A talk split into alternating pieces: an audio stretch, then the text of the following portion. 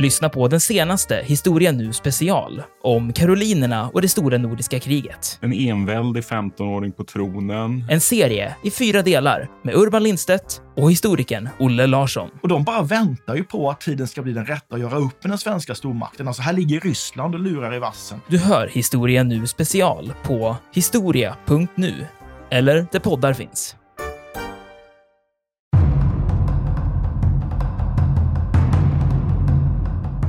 Man har den här inställningen från den japanska sidan att den som har kapitulerat har liksom förverkat sin rätt att leva. De är ynkrygga ja, på, på ett sätt som man accepterar deras förlust. Man erkänner att de har, de har kämpat väl och så vidare. Men man har egentligen i, i det japanska synsättet förverkat sin, sin rätt att leva. Och också den här Bushido-andan, den kryper liksom ner. Så att en soldat har egentligen samma mandat att hantera krigsfångar som en befälhavare eller en officer har. Och detta gör ju då att man lämnar väldigt stort utrymme för enskilda soldater, eh, enskilda japanska soldater att agera väldigt brutalt, precis som de vill egentligen.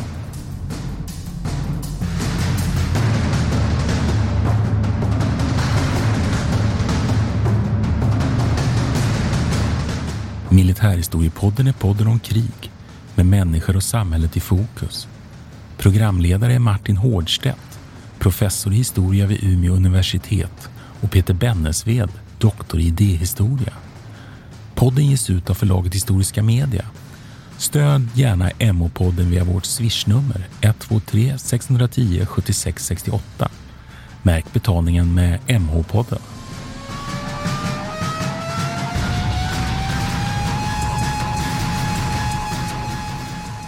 Välkommen till Militärhistoriepodden. Det här är Peter Bennesved. Och det här är Martin Årdstedt. Och det här är vårt eh, jubileumsavsnitt kan man säga. Det är vårt tvåårsavsnitt. Ja. Och idag ska vi prata om den japanska invasionen av eh, de här Stilla havsöarna och Indonesien, eh, Malaysia, Singapore. Och eh, det är ett ganska stort område som vi ska täcka. Sydostasien. Sydostasien är en Ja. bra term. Och december 41 till februari 42, Ja. eller fram till maj 42, där, Ungefär. där Japan plockar hem hela det här området. Och det här följer ju på flera olika avsnitt som vi har gjort egentligen. Den, den närmsta kopplingen har, är ju Pearl Harbor förstås, för det här sker ju precis samtidigt som Pearl Harbor egentligen, eller bara dagen efter, sätter man igång med den här invasionen. Och det var ju en förutsättning att slå ut den amerikanska Exakt, att det lyckades, att Pearl Harbor på något vis lyckades. Hade inte, det gjort, hade inte de lyckats med den där attacken så hade den här inte heller blivit av. Tror jag. Och sen är det ju en annan eh, kontext, är ju Frankrikes fall i maj 1940, för det är ju rätt avgörande i det här eh, händelseförloppet. Och Eh, och det är ju intressant på sätt och vis, för, att, för det som sker här nu i Sydostasien eh, är ju också direkt kopplat till Europa.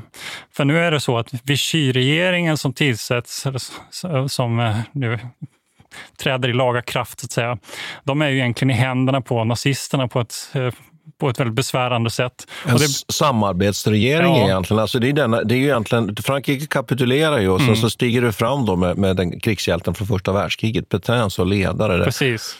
Och det betyder så här att de franska besittningarna i det som heter Franska Indokina, som idag är känt som Vietnam, eh, de får nu, måste träda tillbaka till för japanska intressen, för japanerna har nu allierat sig med, med nazisterna. Så, så att det som händer här nu är att precis samtidigt som Pearl Harbor faller, eller en, en tid innan egentligen, så har japanerna då lyckats eh, landstiga i, eller tagit över vissa gränsområden och flygbaser i det som då heter Franska Indokina. Och det här ställer till det väldigt mycket. Och det har också koppling till det, det kinesiska fastlandet. För som ni, och ni som har lyssnat på Pearl Harbor-avsnittet känner ju säkert, och rysk-japanska kriget, eh, känner ju till eh, förstås att Japan har väldigt stora intressen i det japanska fastlandet här. Men man kämpar ju då samtidigt med Chiang Kai-shek och den här nationalistiska kinesiska motståndsrörelsen som får stöd av de demokratiska eh, eh statsmakterna i Europa, Frankrike och eh, Storbritannien. Och det här stödet kanaliseras ju in delvis via franska Indokina, men också via Burma. Så en, en del av den här expansionen som japanerna försöker eh, sig på i Sydostasien och Stillahavsregionen handlar ju rätt mycket om att försöka strypa det här stödet till fastlandskina och se till så att de demokratiska eh, staterna i Europa inte längre kan understödja dem. För det är väldigt kostsamt för japanerna att upprätthålla den här eh, ja, krigsmakten i Kina, för det är väldigt stort och de har ju begränsade resurser. Det är ett ganska litet land egentligen. De vill ju kunna lösgöra trupper därifrån. Jag tycker man kan ju också Precis. nämna att det sker ju också någon form av ohelig allians där faktiskt, där kommunister och Chiang Kai-shek-nationalister samarbetar mot japanerna. Det kan ju vara intressant att veta här. Så det är väldigt många roller som kastas om. Vi var inne på Vichy-Frankrike och det kan kanske vara svårt att hålla rätt på det där. Sen kan man väl också säga att den här franska kolonin, Indochine, den består ju av det som idag också faktiskt är Kambodja och Laos för att vara lite exakt. Här. Men så, att, så att det kan vara bra återigen, som vi, vi beklagar att vi kan inte presentera en, en kartbild här, men, men, det kan vara viktigt att veta om det här. Att ja. man också har klart för sig att Vietnam, dagens Kambodja, Laos, men också att man vet ungefär var, var, var Thailand mm. och, och var Burma och de här områdena ligger. Vi kommer ju sen att prata om Malaysia också, Singapore, Borneo, mm. Java mm. och så vidare. Och det, den andra kontexten här som är viktig för japanerna det är förstås oljan då, som är kanske den mest avgörande krigsorsaken till att de egentligen kastas in i det här kriget. Men nu har eh, eh, Roosevelt tillsammans med Churchill eh, och den holländska exilregeringen bestämt sig för att de ska då strypa oljetillförseln till Japan. Och det betyder att man måste lösa den här, det här genom att helt enkelt ta eh, ta kontroll över de oljefyndigheter som finns i Sydostasien. Och det är huvudsakligen amerikanska och holländska eh, som finns där. Och de finns då i, i det som idag kallas Indonesien eller Batavia, som det kallas under den här perioden. Eh, men även i Filippinerna som då är styrt av amerikanerna sedan när är det sen? 1898?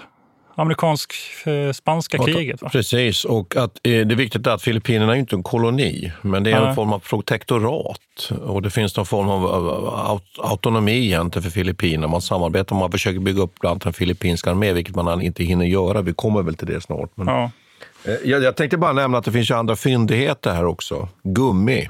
Kol. Absolut. Ja. I Malaysia är ju en av de största exportörerna av gummi här. Så man kan ju säga att det här området, mm. hela den här, om man får uttrycka sig, övärlden här, man ska inte prata om skärgård kanske, för det är så stora öar, som ligger norr, norr om Australien och upp mot egentligen det asiatiska fastlandet. Då eh, är ju egentligen på något sätt lite som ett, man skulle kunna säga ett, ett smörgåsbord för japanerna de behöver ju de här råvarorna. Det är ju den strategiska frågan här, att japanerna lägger under sig de här områdena. Förutom det som du var inne på, att strypa eh, vad ska jag säga, det militära stödet till framförallt eh, motståndarsidan i Kina. Då. Men det, ja.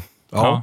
Och, och, då kan man fråga sig, vad gör britterna då? För de, där, många av de här områdena är ju under brittisk kontroll och Singapore är ju den, egentligen den främsta eh, ska säga, försvarslinjen här. Och det är i Malackasundet. Genom att kontrollera Singapore så kontrollerar man Malackasundet som egentligen är den sjövägen då man måste ha där för att ta sig runt in i Sydostasien. Men eftersom Frankrike faller så kan man inte längre lita på att den franska flottan kan agera i Medelhavet. Och det betyder att om britterna lämnar Medelhavet, då tar italienarna över. Eh, så då har man eh, ett, gör man ett slags principbeslut här, att man egentligen offrar den här Stilla havsdelen och ser till så att den brittiska flottan stannar kvar i Europa och skyddar de eh, brittiska öarna och håller sig i Medelhavet. Och det, har vi, det har vi diskuterat bland annat i, i, i vårt avsnitt om Kreta. Och de får mycket stryk där. Men det gör ju också att det här området helt lämnas och japanerna har egentligen fritt spelrum. Mom deserves the best, and there's no better place to shop for Mother's Day than Whole Foods Market. They're your destination for unbeatable savings, from premium gifts to show-stopping flowers and irresistible desserts. Start by saving 33% with Prime on all body care and candles. Then get a 15-stem bunch of tulips for just $9.99 each with Prime. Round out Mom's menu with festive rosé, irresistible berry chantilly cake, and more special treats. Come celebrate Mother's Day at Whole Foods Market. Hiring for your small business? If you're not looking for professionals on LinkedIn, you're looking in the wrong place. That's like looking for your car keys in a fish tank.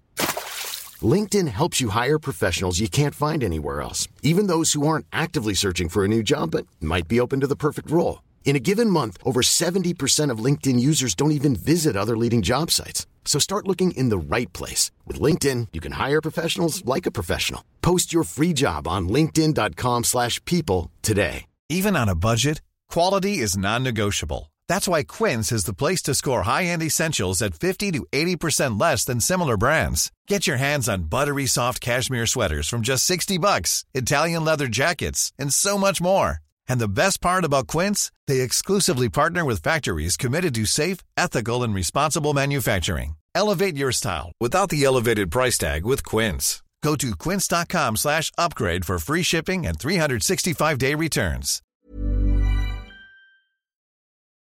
Jag skulle kunna ytterligare spä på det där och mm. säga att egentligen de främsta indiska förbanden till exempel, de slåss ju i, i, i Mellanöstern. Mm. De finns ju med mot italienarna och det här gäller även holländare och, och i viss mån även australiensarna som ju också är, är två eh, aktörer här som ju har alltså många av sina främsta militära förband i Europa eller slåss i, i Nordafrika. Och Det tycker jag man kan komma ihåg här. Så du har alldeles rätt att det är lite öppet spelrum. Och viktigt, för vi kommer, kommer tjata om det här några gånger, att man ju har förtvivlat svaga luftstridskrafter. Ja, exakt. Ja. Och man gör en sån brutal felbedömning av det här flygplanet Mitsubishi Zero. Ja, och andra flygplan ska ja. läggas till. Och Så... också japanernas förmåga att utveckla ammunitionstyper. Mm. Alltså stridsdelar delar skulle man kanske kalla, kalla det för. Mm. Alltså torpedvapen och så vidare som, har, som är av högre klass än vad, mm. om man nu får säga så, de allierade har Precis. att sätta in här. Så, så, Det som britterna gör här är att de skickar dit ungefär 300 stycken eh, flygplan och som då ska möta runt 700-800 Mitsubishi, eh, olika Mitsubishi-plan, både lätta bombplan och det här jaktplanet Zero då, som är, som är väldigt känt. Eh, och mot slutet av det här kriget är ju alla de här brittiska flygplanen i princip nedskjutna. Det är ju den här, många består av den här Brewster som då var liksom egentligen utrangerad i, i Europa. Man tänkte att den inte höll måttet, men att den då skulle klara den eh, japanska styrkorna. Och det är här den stora felbedömningen sker. Då. Så att läget är ju så att japanerna har egentligen både luftherravälde och havsherravälde i det här området. Och sen så bestämmer sig, och det här är ju en intressant period, eller episod rättare sagt. Churchill då, som någon slags plåster på såren, skickar han dit det här slagskeppet Prince of Wales. Som är helt nytt. Som är helt nytt. Och det gamla klassiska Repulse. Ja. En äldre slagkryssare, men som har ett visst liksom rykte. Som är ett, får man kalla det så, ett symbolfartyg om man kan uttrycka mm. sig så. Och det där är ju väldigt spännande, för där har man ju den där övertron då på att det har ju fungerat ganska bra då att göra den här typen av räder med, med ytfartyg. Då. Och de har ju väldigt svag, kan man ju säga, också uppbackning med jagare som är nödvändiga för att hålla undan till exempel ubåtar och sådana saker. Och man tror att det här ska kunna fungera. Och det, man gör, det kanske vi ska säga vad bakgrunden är till att man, man sätter in de här fartygen. Att fartygsbefälhavaren ju ger sig ut egentligen på en, på en räd. Och det är ju för att stoppa nu det som är på gång. Mm. Eller hur? Precis, och då är det... Eh, den här lilla episoden är ju som ett resultat av att man ser då att japanerna rör sig från det som idag är Vietnam. Alltså de har etablerat sig i Saigon eh, och de ska göra en invasion egentligen av det, eh, av det thailändska fastlandet på, på andra sidan Siambukten. Det är det vattnet som finns mellan mm. Vietnam och Thailand. Malaccahalvön? Ja, Malaccahalvön mm. kallas det och de siktar in sig på en stad som heter Singora som ligger en, en bit in här. Nu, nu blir det här en promenadseger för japanerna för att eh, thailändska regeringen bestämmer sig för att de ska samarbeta med japanerna. Så det här går väldigt snabbt. Men då mm. försöker man förhindra detta genom att skicka ut. Jag ska också, du kan Landsti få, du, ja, landstigningen ja, försöker man förhindra. Du kan ja. få dra det där, men jag ska bara lägga till, eh, jag ska bara lägga till att eh, man skickar ju faktiskt efter ett hangarfartyg också som befinner sig i mm. Västindien men, i, utanför Jamaica, men som mm. faktiskt strandar under en övning och kan inte ta sig dit. Så det är lite orättvist att han, det, var inte bara, det var inte bara Prince of Wales och Repulse, det var även ett hangarfartyg som skulle ge ett visst mm. luftunderstöd då under den här operationen. Annars är det ju så att de hangarfartyg man har, britterna har, de behövs ju på ett helt annat håll i Atlanten, bland annat för att ha koll på Bismarcks eh, systerfartyg. Eh, men, men hur som helst, då ska man stoppa, eh, det är ju ett försök att stoppa de, de här eh, japanska kan man ju säga, uppbyggnaden inför det som vi kommer till som är ett av huvudnumren här egentligen i det här avsnittet. Sen det som kommer att utvecklas till slaget om Singapore, eller hur Peter? Och vi ska inte föregå det, va? men det är spännande då. Vi kan göra en lång historia kort. De här fartygen sänks ju av landbaserade faktiskt, japanska flygplan. Och Det är också lite tråkigt att de där eh, flygplatserna där har man ju en idé om att man faktiskt ska ta. Man har en idé om att man ska stöta från Singapore norrut till Malacca för att ta de här flygplatserna. Och det är ju det här så kallade Kranäset då, som ligger mitt på Malakaön. där de här flygplatserna, de tar man inte. Japanerna kan utnyttja dem. Man öppnar liksom upp där. Eh, och de här fartygen går emot sitt öde och sänks ju inom loppet egentligen av två timmar. Och, det är, och när det här meddelandet sen så småningom då når eh, Churchill i Storbritannien, i London, så menar ju Churchill att detta är hans största chock under andra världskriget. Och det behöver vi kanske förklara. Varför är det på det sättet? Varför ja, är det den största chocken? Jag fattar, jag fattar inte riktigt varför han säger så. Å ena sidan det betyder ju det, det är ju eh, jag menar, den direkta konsekvensen som Churchill säkert förstod var ju att nu är ju hela det här området eh, utelämnat till japanerna egentligen. Och att det finns ingen som helst chans till att de ska kunna eh, få eh, stöd från havet mot Singapore, eller till Singapore egentligen. Men jag tror att det är någonting annat också. Jag tror att det är så att här kommer plötsligt insikten att vi har inte resurser och kapacitet att försvara vårt, vårt eh, välde. Att japanerna är en formidabel motståndare. Det är någon form av symbolik i det här också. Att... Men, ja, men, jag, fattar, men jag, jag fattar inte det. För under Arcadia-konferensen den 22 december, där mm. bestämmer man ju sig för att man helt enkelt ska skippa Ja, I och för sig, mm. det här hände ju före, va? det är jo. oktober. Ja. ja. Mm. Men då bestämmer man, i Arkadiekonferensen bestämmer man sig för att man ska lämna egentligen japanerna därhän. Ja, det här är 10 december sänks, sänks de här fartygen. Okej, okay, ja, men då ja. är det ju bara det är två veckor innan. Ja, och, och det, nej, men att jag, jag tror att det ligger mycket i symboliken.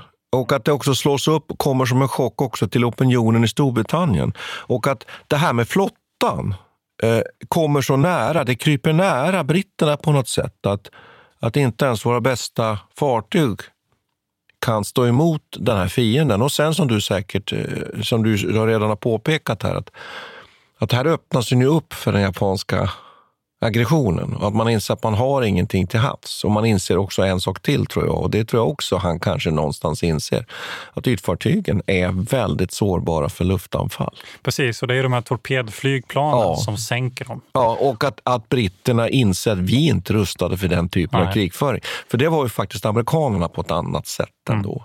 Så jag tror att det är dubbla, men det är lite intressant bara det där med chocker. Sen kan man väl säga så här, han kommer ju anledning att bli lite chockad lite längre fram här också. Vi kommer väl snart till det, eller vad säger du Peter? Ja, men, och det som, eh, vad ska man säga, ja, det är ju runt 50 plan som attackerar Prince of Wales och Repulse. Så man förstår ju här vilket liksom styrkeförhållande som råder. Ja. Um, så, och det, det understryker väl också den här vikten av att ha, ha, ha luft, uh, luftstyrka. Ja. Så det, det, vi ska prata om nu, ja. det här första steget här, det är ju det här oerhört dramatiska slaget om, om Singapore, eller hur? Va? Ja, och det, precis. Och det, det du fiskar efter, det är ju ja. att, att, det som händer nu, och det är ju en intressant eh, episod då, att eh, när man tar kontroll över den här, eh, över Thailand egentligen så har ju japanerna möjligheten att svepa söderut Exakt. och ta, mm. ta Singapore. Och det här är ju ett enormt misslyckande för den brittiska krigsplaneringen, att man inte har förstått. Man har hela tiden tänkt så här att så länge som fransmännen har kontroll mm. över franska Indokina så behöver vi inte vara oroliga för en landinvasion. Och man tänker sig också att den här miljön är så pass oländig. Det är bara mm. djungel eh, blandat med egentligen gummiplantage och några centrala liksom vägar då som går genom söderöver. Så man helt enkelt tänker sig att här finns ingen risk för någon japansk invasion. Man har lämnat det här området. Och det är ju också en, en intressant eh, episod med, med, med Churchill han säger ju det här att han, kunde inte, han, han tycker det är ett misslyckande att han inte frågade hur landförsvaret såg ut i Singapore.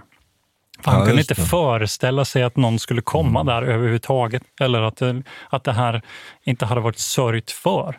Men däremot så är det ju en myt och det tycker jag är viktigt att vi poängterar. Det är ju en, det är en myt att man inte skulle ha haft artilleri mot landsidan.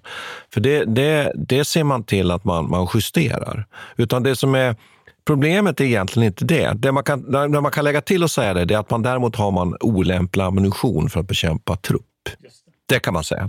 Men det är kanske en detalj i sammanhanget. Men det, det är mer en myt och mer en bortförklaring på något sätt. Va? Utan det som är problemet är ju att trots att man faktiskt är, överlägsna två mot ett när det gäller soldater. Det är lite intressant att britterna är ju fler. Det är ungefär 30 000 som japanerna sätter in. Men det vet man inte. Det vet man inte. Nej, och det är inte bara jag bara säger att det är inte intressant så. Men däremot är det ju så nu då att dels kvalitetsmässigt så är de japanska trupperna stridserfarna, välövade, oerhört motiverade. Man har också totalt flygherravälde, man har också herravälde till, till havs. Så det är utgångspunkten. Hur är det på den brittiska sidan? Ja, man har australiensiska förband, man har brittiska förband och man har indiska trupper. Och tyvärr de indiska trupperna som utgör en mycket stor del av den här där man har att sätta in dem är av sämre kvalitet. De bästa indiska trupperna är faktiskt då, som vi redan har sagt, och på annat håll. Och det finns en del brittiska trupper som faktiskt kommer att leverera bra stridskapacitet under, under det här så kallade slaget nu då, om Singapore. Men eh, bland annat Second Argyle and Southern Highlanders faktiskt. Så det, jag vill nämna det för att så man inte bara drar alla liksom nu i smutsen och beklagar det här stora misstaget. Och ett problem är att man inte heller har övat och där har väl det kanske Churchill också det han är in, inne på här. Man har inte övat för djungelkrigföring. Och det är ganska patetiskt egentligen för att använda det ordet att man, man slåss alltså längs vägar. Man, man har en oförmåga att att gruppera ute i djungeln. Det är ganska spännande och det gör ju att japanerna, här har vi nu den liksom taktiska problematiken. Japanerna kommer naturligtvis att göra omfattningar hela tiden. Det kan de här Sutherlands och Second Argyle. De lär sig det och de stoppar japanska förband flera gånger. Men de slåss eh, ganska mycket på de centrala avsnitten längs med. Liksom nu. För nu är det ju en, en reträtt ner mot Singapore. Då. Men deras kamrater, om jag uttrycker mig så, håller ju inte emot och det gör att de är ju, är ju hopplöst naturligtvis blir kringrädda. Mm. En, annan förklaring som har, eller det är som en delförklaring till det här som, som ofta förekommer i litteraturen, det har ju att göra med Percivals instruktioner som han får här. Percival är ju, är ju Ja, befälhavaren. Singapore, befälhavaren för den brittiska- sidan, ja. precis. Så det är han som, som leder den här reträtten eller försvaret av, av Singapore. Och han får då instruktionen att han ska försvara hela eh, Malaccahalvön egentligen. Och, att han, eh, och det, det ställer ju till väldigt stora problem eftersom det är en ganska bred front som man måste hantera. Och då har man väl i efterhand menat att det hade varit bättre om, om Percival hade fått instruktionen att direkt retirera till Singapore och sen bygga och ha, få tid på sig att bygga upp ett försvar här. Utan istället så måste han liksom sprida ut sina trupper över en ganska bred front. Och det, är rätt, det finns en del vittnesskildringar om den här reträtten och den används ju också som en slags ursäkt för varför man sen kapitulerar i Singapore. För man anser att det här var så pass psykologiskt och demoraliserande, så oerhört eh, liksom påfrestande för de här, eh, den här, de allierade styrkorna. Just för att dels hade man inte någon luftunderstöd. Japanerna eh, höll på med prickskytte på nätterna, skickade ut liksom en slags terroriserande förband som kröp, kröp upp i träd och helt plötsligt mitt i natten började skjuta på liksom, mer eller mindre sovande soldater. Den här typen av, av eh, liksom, ja, demoraliserande aktiviteter höll man hela tiden på med. Så britterna kände sig oerhört jagade hela vägen ner och samtidigt som det var omöjligt att hålla, precis som du säger här, att hålla de här linjerna. Så det, det är klart att det här måste ju ha spelat roll. Samtidigt så, så är det ju typiskt eh, jag vet inte, efterhandskonstruktioner Det det. i viss, i viss mån. Ja. Men det stämmer ju också att de hade ju inga zero-plan som, som kunde möta upp eller som kunde hålla liksom, de japanska luftstyrkorna borta. Millions of people have lost weight with personalized plans from Noom, like Evan, who can't stand salads and still lost 50 pounds. Salads, generally, for most people, are the easy button, right? For me, that wasn't an option. I never really was a salad guy. That's just not who I am. But Noom worked for me. Get your personalized plan today at Noom.com. Real Noom user compensated to provide their story. In four weeks, the typical Noom user can expect to lose one to two pounds per week. Individual results may vary. Burrow is a furniture company known for timeless design and thoughtful construction and free shipping, and that extends to their outdoor collection. Their outdoor furniture is built to withstand the elements, featuring rust-proof stainless steel hardware, weather-ready teak, and quick-dry foam cushions. For Memorial Day, get 15% off your Burrow purchase at burrow.com slash ACAST and up to 25% off outdoor. That's up to 25% off outdoor furniture at burrow.com slash ACAST. Everyone knows therapy is great for solving problems, but getting therapy has its own problems too, like finding the right therapist, fitting into their schedule, and of course, the cost. Well, BetterHelp can solve those problems. It's totally online and built around your schedule. It's surprisingly affordable too. Connect with a credentialed therapist by phone, video, or online chat, all from the comfort of your home. Visit betterhelp.com to learn more and save 10% on your first month. That's BetterHelp H E L P. Sen tror jag man kan lägga till också att, att det, det, är intressant att det, det drar ju till sig också väldigt stort antal flyktingar. Och det är faktiskt också så att, att, att den där man får en styrketillväxt som det heter på den brittiska sidan. Det är ju faktiskt så att det tillkommer ju förband för försvaret av Singapore. Det kommer ju en, en, faktiskt en, en, en förstärkning. 18 divisionen kommer från Mellanöstern. Så att man räknar med att ungefär, Britt, det är lite svårt med siffror här, men att man i alla fall har 85 000 man mot då japanernas 25 armé. Och man kan väl nämna faktiskt eh, befälhavaren, Yamashita. Och typiskt är att det är den här gardesdivisionen som sätts in här, den japanska gardesdivisionen som är väldigt välövad och välmotiverad. Så att det är, inte, det är väldigt eh, högkvalitativa förband som japanerna ställer mot britterna och vi har nämnt att. Men också en sak som jag ville, ville komma till, det är att det blir liksom fullt i Singapore också. Av både flyktingar, civila flyktingar och alla dessa trupper. Eh, och det är inte bara 85 000 man, utan det är ännu fler soldater som samlas här så småningom. Och Det gör ju att det blir svårt med försörjningsproblematiken. Och Det är också så att ett av skälen till att man fattar beslut om kapitulationen är att man, britterna, japanerna så småningom tar vattenreservoaren.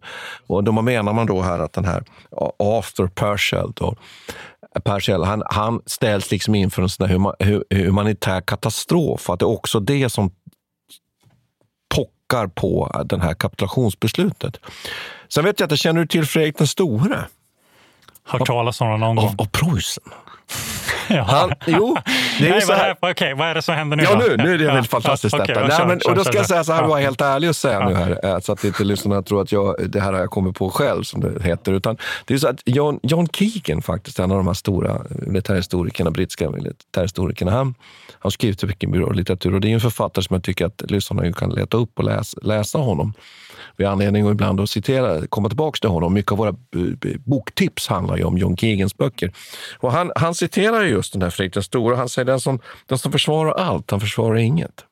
Och här har vi lite det du pratade om. Ja, just det. Att, att, att det sker alltså en, en utspridning av förband. Att man istället för att hålla vissa stödjepunkter som man kanske sannolikt hade kunnat försvara ändå ganska länge så blir det så till slut att man öppnar upp egentligen för en klassisk japansk koncentration på den västra sidan när man har fallit tillbaka mot Singapore och gör liksom ett last stand där. Så kan japanerna koncentrera egentligen stora delar av sin anfallsarmé då egentligen mot ett antal då bataljoner australiensisk trupp som ju naturligtvis inte klarar av att stå emot och att det här genombrottet kommer ganska snabbt. För det kan vi, kan vi väl konstatera då egentligen att 8 februari inleds då slutanfallen och redan den 15 februari så kapitulerar ju eh, Pershil. Och Precis, Pershil. De, det mm. sista skenet här består egentligen av att britterna de spränger den här landbryggan ja. som, som är här emellan och försöker på det viset stoppa upp den här eh, invasionen. Och man, alltså man kan ju lägga till också att eh, man har ju en, idé om att, att man kämpar emot ungefär 100 000 soldater sammanlagt. Ja, det där är ju intressant att du säger det. Att, ja. att man liksom också har dålig, det får man väl också och, och det, klandra dem för, dålig underrättelsetjänst. Ja, som ja. Yamashita påstår ju också att ha, har, har utnyttjat detta, att han har spridit ut sina trupper där precis längs med gränsen mm. mellan, eller på andra sidan vattnet för att det ska se ut som att de är som fler än de är. Ja. Och sen så påstår man ju också att, de, att just eh, på tal om det här med underrättelse, att japanerna var väldigt skickliga på att manipulera eh, och skaffa sig spioner på den brittiska sidan som hjälpte mm. dem med eld, elddirigering egentligen på, i Singapore också till så att de hade liksom kartor och eh, information om var de brittiska, australiensiska och indiska soldaterna befann sig. Så deras artillerield var ju oerhört förödande. Okej, okay, att de hade alltså eld, så att säga eldledare inne ja. i den, de brittiska Exakt. grupperingen, som det skulle heta på militärspråk. Och, detta, och, och detta gjorde ju då att man helt enkelt fick falla tillbaka när japanerna gjorde den här eh, eh liksom, eh, överbryggningen, eller tog sig mm. över vattnet här och, och etablerade ett brohuvud på, den, på Singapores ö. Och så kom ihåg att Singapore är ganska stor ö och på den här tiden är det ju inte, var det inte så industrialiserat som det är idag. Det är säkert många som har varit där. Jag själv har varit också där mm. eh, och, och besökte. Och jag förstår, eh, man förstår ju utifrån geografin här vad det, vad det är som står på spel. Va? Men det här är ju eh, eh själva stan där man bor är ju under söd, vad blir det, sydväst, sydöstra delen av Singapore egentligen. Mm. Japanerna kommer in i den eh, nordvästra. Från nordväst? Ja, mm. men där finns ju också de här vattencisternerna, eller den alltså, som jag nämnde då. Ja. Mm. Men, men, du, jag måste, det, det, som jag tycker är intressant här, det, ja. jag har pratat redan om den här chocken med de här Repulse. Sen kommer ju detta då som en chock naturligtvis. Och det, jag tycker det är spännande att den här stackars, den här, den här stackars då, Purcell, Arthur Purcell, jag vet inte riktigt om det bara kan klandra honom. Jag tycker att det är ju inte han egentligen som, som bäddar för det här, det ska man väl säga. Sen kan man väl säga att han kanske kunde ha skött den här försvarsstriden på ett mer kreativt och effektivare sätt. Men det finns ju en sån här klassiskt moment där, om man säger. Där han, han ju, det finns ju en bild och det, det räcker med att, att ni, ni lyssnare söker till exempel på Wikipedia så får ni upp den där bilden. Där han, han stövlar ut och ledd av en japansk officer då med, med flaggan och vit fana. Och den där, den där bilden gör ju så oerhört ont i inte minst Churchill och hela det brittiska, liksom, får man säga så, folkets hjärta. Och, det, och sen en annan sak som ju, som ju blir så oerhört svår för, för Churchill och andra i Storbritannien sen att, att, att smälta är att de här, en del av de här indiska förbanden de faktiskt deserterar och organiserar och slåss på, på japanernas sida så småningom. Det har ju att göra med naturligtvis den indiska tanken om en självständighet i framtiden. Och, och det, den här Persian han kommer aldrig tillbaka efter kriget. Han blir fullständigt utfryst och, och, och tappar ju all sin heder och värdighet och även en del av hans underlydande befälhavare. Därför att det här, det här är det kan vi ju säga att alltså räknar man ihop dem som kapitulerar så brukar man komma upp ungefär 120 000 man. Jag nämnde siffran 85 000, men det är ju så att det finns ju andra trupper som man liksom måste räkna in i det här. Och det här är ju den största brittiska kapitulationen någonsin. Så det är klart att, att det kanske måste vara den näst största chocken för Churchill i alla fall. Så, att, så att det här tycker jag är viktigt att markera, att jag liksom ältar det här lite nu. Därför ja, nej, men det är intressant. Ofta är det Europa ja. vi pratar om. Och det är det jag vill, det vill jag ja. komma till. Att det här är ju en, det här är ett av, kanske jämte eh, Indien möjligtvis, så är ju det här den, det brittiska imperiets verkligt viktiga stödjepunkter. Mm. Absolut, och Percival har ju eh, också blivit, han har ju blivit som en slags eh, det är ju taskigt att jämföra med Quisling, men han har ju den här statusen i historien som den, den, den befälhavaren som kapitulerar. Och har liksom, många har studerat den här... Kapitulationsbefälhavaren Percival. Ja, precis. Mm. Och, jag, menar, jag, jag, jag hittade en artikel som handlar om organisationsteori, liksom, där man diskuterar eh, huruvida det är viktigt att, att eh, en chef då säger, går emot eh, företagslinjen att det har, liksom, kan ha moraliska positiva effekter. För det är det man diskuterar här. Gjorde han rätt? då räddade han en eh, massa människors liv. Då. Och många för ju fram också den här ganska brutala bombningen av civila som pågår i, i Singapore. Och att eh, japanerna, för den här Yamashita som var känd som en jävligt brutal person eh, och så hänsynslös i sin krigföring, också sin behandling av, av krigsfångar sen. Det, det ska vi diskutera mer. Men han gör ju, först skickar han fram en, en, eh, ett försök till, att, till kapitulation. Han får ett nekande svar från, från Percival i det skedet, men då kommer också den här brutala bombningen med artilleri och flygplan eh, direkt efter. Och det är ju, ja, eventuellt så är det ju det, och precis du säger, att det finns några humanitära eh, vad ska man säga, ställningstaganden från Percivals sida som liksom drev fram det här. Jag, jag tänkte bara, eh, det kanske ja. kommer som en chock för dig och lyssnarna, men jag kommer osökt att tänka faktiskt på Sveaborg. Finland. Ja, men visst är det fantastiskt? Det. Ja, nej, ja. men eh, lite, jag ska inte säga skämt åsida, för jag tänker inte be om ursäkt för det. Men här har vi, vi har ju pratat om Maginotlinjen, vi har pratat om Sävehof. Ja. Och Singapore tycker jag inordnar sig i faktiskt mentalt de här fästningarna som ingen kunde ta. De här fästningarna som håller. Och också att den här, nu gäller ju inte det Maginotlinjen, men när det gäller Sveaborg så är det ju också det här att man diskuterar de här humanitära. Ja, man, man, ger upp för att inte, för att inte mm Ja, precis. Man kan, man kan undra hur mycket efterhandskonstruktioner det är. Ja, att det liksom. ingen ska Ja. dö i onödan och så vidare. Och Ja. då, då kan man väl bara konstatera så här att, det, att, att en befälhavare har ju en order att försvara den här fästningen ganska långt. Och tittar vi på det i det äldre skenet, då handlar det om att man skulle ha slagit mot minst, minst ett stormningsförsök. Va? Men jag tycker att det är en intressant problematik. Och sen tycker jag att jag på ett ganska skickligt sätt måste jag säga, fick in Finland här. Det var fantastiskt. Ja. men, men, men- men det här är, det, ska vi, ska vi liksom summera och konstatera nu här att Nej, jag, jag, med, med, Ja, med. Singapores eh, kapitulation så, så är väl det, ska man säga att det, det är inte sista spiken i kistan, men man måste väl säga att, att här, här skapas ju nu en situation där de allierade har egentligen oerhört små, små möjligheter nu att, att, att eh, värja sig. Ja, precis. Och det en reaktion här eh, är ju, som har påbörjat redan efter Arcadia-konferensen, att man bildar det här ABDA-kommandot. Ja, ABDA, Ja, som består egentligen, det är ju Australien, American, British, Dutch, Australian. Ja, Exakt. Ja. Alltså man försöker då mota liksom den fortsatta expansionen egentligen genom, att, eh, genom en slags motanfall från, från havet. Man samlar ihop de styrkorna som finns i de här områdena och försöker få, som mota det. Men det misslyckas eh, utanför Javasjön. Där. Ja, ja, att, Men- precis, men- att, du, du pratar om flottstyrkan. Ja. Ja, Man sopar liksom ihop. Och jag, skulle vara, jag blir lite, går igång här lite, för jag tycker att det är lite spännande det här med, med att holländarna här har, är ju en, en, kanske inte en kolonialmakt som man eh, alltid tänker så mycket på i modern tid. Men det är viktigt att påminna lyssnarna här om att, att Holland har ju faktiskt en av de här riktigt stora kolonierna och områdena i, i, i just i det här skeendet i Sydostasien och har alltså en del örlogsfartyg. De har inte så stora militära resurser, men de har faktiskt det. Och Det tycker jag är lite spännande att de ingår i det här. Men att den här flottstyrkan som man försöker sopa ihop, det som faktiskt kanske egentligen är det enda man har kvar, som ändå inte, inte är helt ofarlig för japanerna, men som ju lider, som du, lider, lider som du säger, nederlag då i, i, i, utanför Java. Precis, och då ska man komma ihåg det att nu har vi pratat mycket om, eh, om eh, Malacca-halvön och Singapore, men det som sker samtidigt med det här Mm. är ju att egentligen alla de här öarna anfalls ju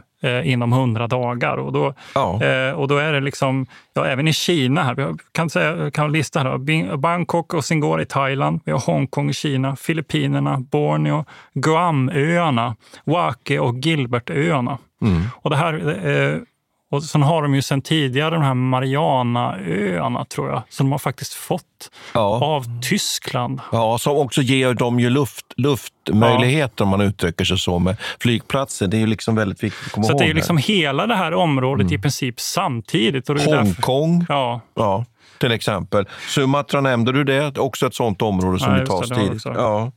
så, att det, är, så att det, det är ju alla de här... Och konsekvensen för Australien till exempel, det blir att de också blir isolerade. Eh, deras kontakter med dels amerikanerna och dels med britterna via Singapore försvinner ju med att alla de här områdena egentligen tar, att japanerna tar kontroll över. Så det är därför de också lyckas samla sig och eh, försöka göra den här offensiven mot Javasjön. Men som, ja, Det är ju synd om dem på sätt och vis. Eh, Jag tror att också att det är en av de här, en av befäl, jag minns inte vilken, men en av befälhavarna på något brittiskt skepp här har faktiskt varit med och blivit sänkt tidigare av Bismarck, av slagskeppet Bismarck. Men han dör slutgiltigt. Det var synd att jag inte kommer ihåg hans namn här.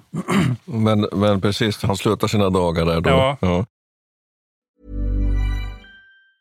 Mom deserves the best, and there's no better place to shop for Mother's Day than Whole Foods Market. They're your destination for unbeatable savings, from premium gifts to show-stopping flowers and irresistible desserts. Start by saving 33% with Prime on all body care and candles. Then get a 15-stem bunch of tulips for just $9.99 each with Prime. Round out Mom's menu with festive rosé, irresistible berry chantilly cake, and more special treats. Come celebrate Mother's Day at Whole Foods Market.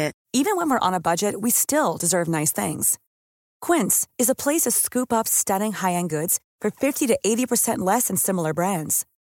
They have buttery soft cashmere sweaters starting at $50, luxurious Italian leather bags, and so much more. Plus, Quince only works with factories that use safe, ethical, and responsible manufacturing. Get the high-end goods you'll love without the high price tag with Quince.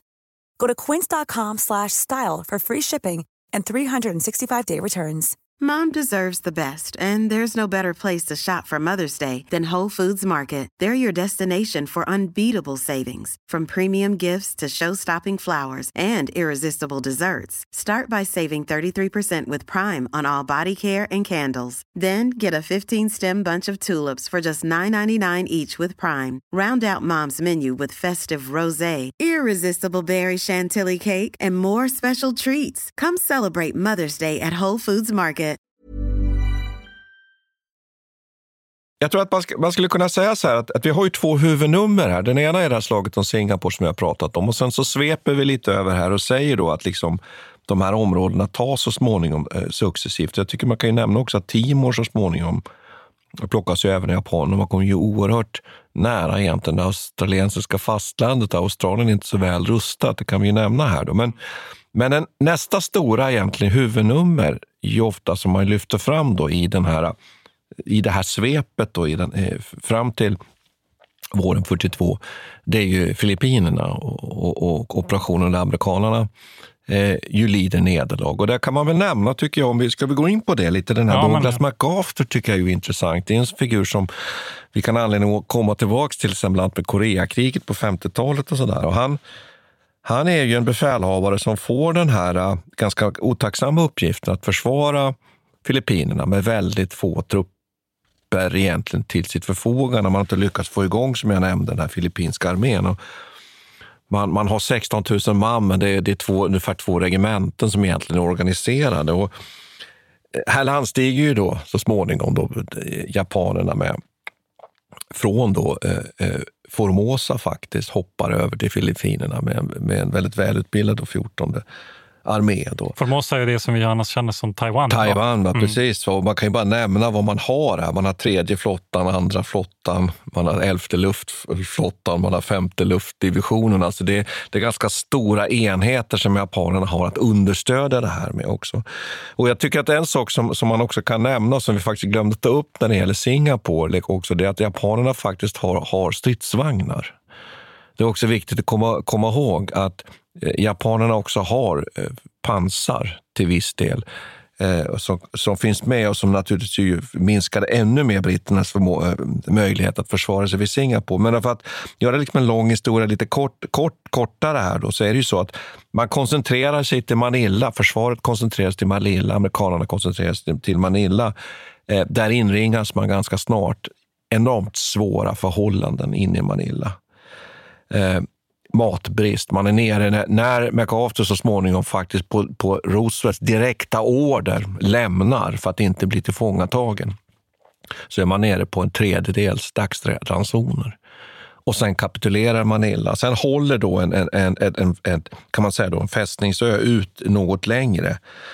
Eh, och sen händer ju det här som är så tragiskt och som man har ju diskuterat så väldigt mycket i efterhand, nämligen att de här omkring 80 000 då, soldaterna, som både är amerikaner men också filippiner och andra, en del australiensare, tvingas ut liksom på en dödsmarsch. De ska förflyttas till fångläger och där räknar man ju sen med då sammanlagt att ungefär 25 000 av de här dör.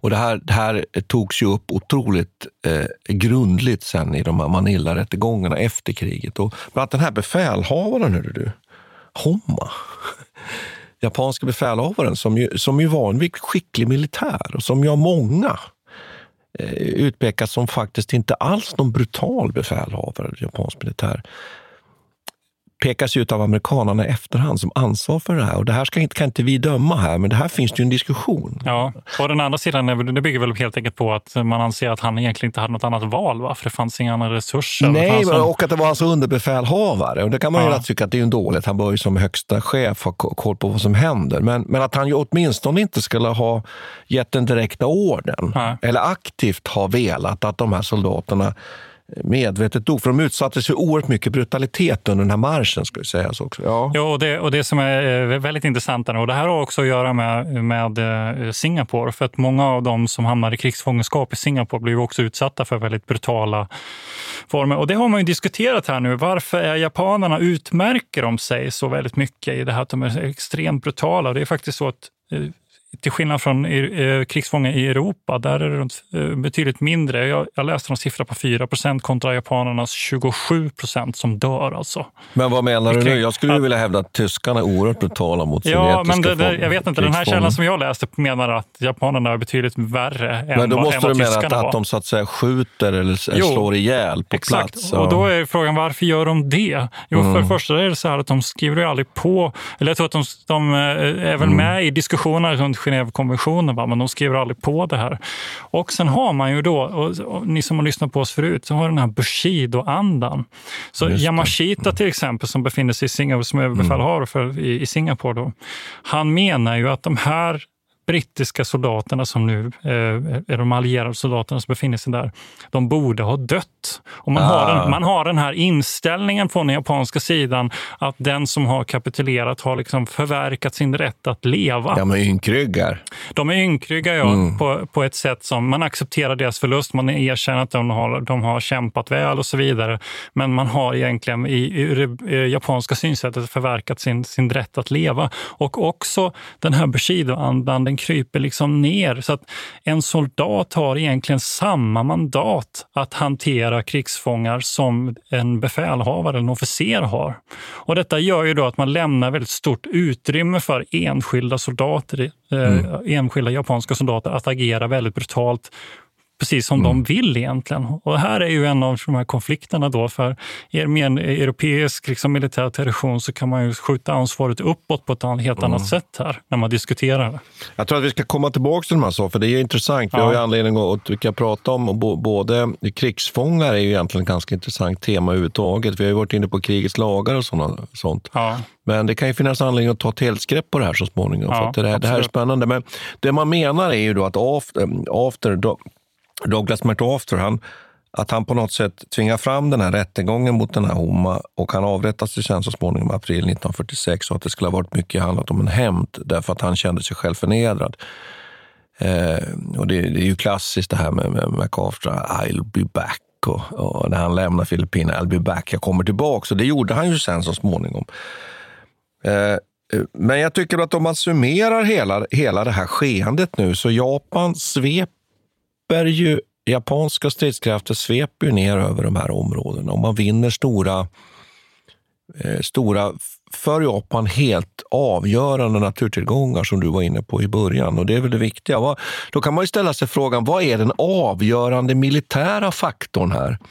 Både operativt, eh, Strategiskt kanske vi kan lämna, lämna därhän, det har vi varit ganska mycket inne på. Men vad är det som gör att man kan, kan vinna de här områdena så oerhört lätt? Vad är det operativa vad är det så att säga, taktiska? Vi har varit inne på några sådana saker här. Vad, vad skulle du säga egentligen är det helt avgörande här? Det kan ja, vi vara eniga det var vi inne på. Men utifrån det som, som, som jag har mm. kunnat läsa mig till så handlar det i väldigt stor utsträckning om luftherravälde. Ja, och det att man har totalt luftherravälde, japanerna ja. har det. Och att man då eh, redan innan det här utbrottet egentligen har lyckats etablera ett antal baser liksom på land också. Ja. Och sen har man då understöd de här hangarfartygen i viss mån också. Men man har redan mm. i, på centrala positioner har man liksom flygbaser som man kan operera ifrån. I Saigon till exempel är jätteviktigt eh, i inledningsskedet mot Malacca-halvön, men sen eh, etablerar man sig på andra ställen också. Sen är det ju så här, sen kan man ju fråga sig att eh, de ursprungliga krigsmålen för Japan var ju egentligen bara att ta Singapore, kontrollera franska Indokina och se till att man kontrollerar de här oljefälten så att man löser den, den, den mest akuta det, det, är ju liksom resurs. den strategiska, där ja. det, politi, det, politiken blir militär. Precis. Men, men med militära, politik med militära medel om jag säger så. Ja. ja. Mm. Men sen fortsätter de ju. Mm. De ser ju det här som en slags mm. promenadseger. Och här börjar ju då, det är ju på, ett sätt, på ett sätt är det ju början till slutet för dem också. Att de, mm. inte, mm. att de tänker sig att eh, med någon slags segerviss eh, idé bara sveper igenom hela Sydostasien trots att det egentligen var bortom deras direkta krigsmål. Man tänker att det där är så lätt, vi kör bara. Ja, men jag skulle vilja komma tillbaka till den där liksom mm. mellannivån. Man brukar, brukar prata om den där strategin som jag nämnde, då, liksom politik och militära medel går ihop. Det är ju liksom att vinna kriget. Va? Så kommer vi ner på operationer, då var vi inne på luftherraväldet. Men jag tror ju också det att man, att man har självklart eh, överlägsenhet på vattnet också, på ytan. Att man kan flytta och landstiga helt enkelt, självklart.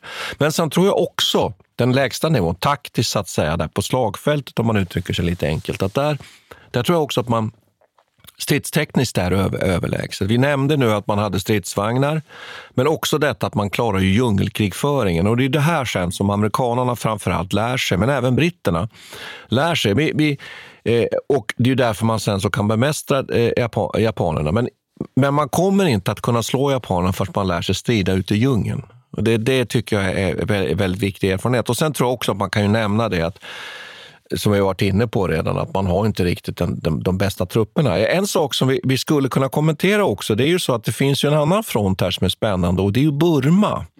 Där ju britterna trycks tillbaks eh, eh, ganska omgående. Man, det är efter Singapore, tror jag. Ja, trycks tillbaka. Man gör en, har, håller emot och försöker hålla emot, men man kommer så småningom att trängas tillbaka ganska omgående tillbaka till indiskt eh, territorium. Eh, och de trupp, många av de här truppförbanden som är med i de här första striderna nu, här 41-42 mot japanerna, de försvinner ju nästan, liksom, upplöses. Så, så att det, är, det är nya förband i stor utsträckning sen som, som återtar de här områdena när vi kommer längre fram i, i vår, vår liksom berättelse om andra världskriget. Men eh, jag tycker man kan också faktiskt nämna att, att japanerna gör ju en del attacker, genomför en del räder mot Ceylon.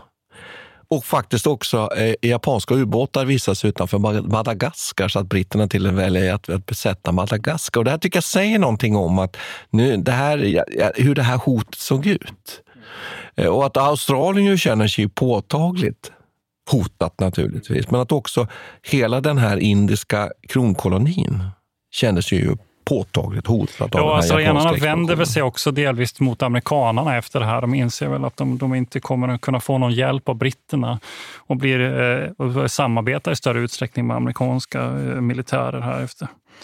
Men du, vet du vad? Jag tycker vi kan, eh, vi kan väl dra streck där, men nu är det... Det är faktiskt är vårat, vårat eh, tvåårs... Jubileum, ja. Tvåårsjubileum, ja. Vi har förberett en liten grej för er. Ja, vi har, ju, vi har ju som en liten tradition här faktiskt. Ja att vi alltid måste vi måste alltid fira det här lite på något sätt. Eller vad säger du Peter? Ja, absolut. Och, och... Får passa på att tacka. Vi, vi, ni är duktiga på att höra av er och det är roligt att få så mycket positiv respons från alla lyssnare. Eh, och vi tycker att det här är oerhört roligt och, eh, att hålla på med. Och det är väl delvis tack vare er. Men vad säger du Peter? Ja, klart bakåt. Ja, skott kommer! Ah, där gick den! Härligt Peter! ja, ska vi se här. Och med de eh, orden... Och med de orden, kära lyssnare, så hoppas ja. jag att ni också kanske hittar någonting som smakar gott där hemma. Ja. Eh, skål och på återhörande, hörni. Ja. Tack ska vi ha allihopa. Tack, Tack ska, Tack vi, ska ha. vi ha.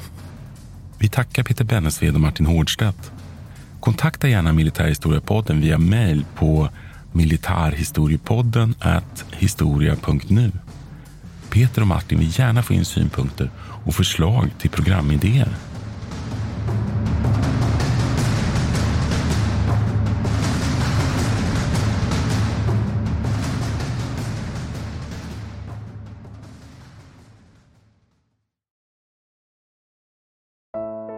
Iran har under 1900-talet genomgått tre omvälvande revolutioner som orienterat landet antingen mot västerlandets modell eller mot en auktoritär styrelseform.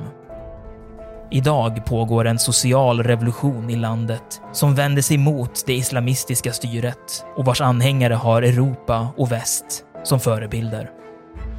I en viktig bok ger idéhistorikern Mohammad Faslashemi en djupare förståelse för dagens dramatiska händelseutveckling.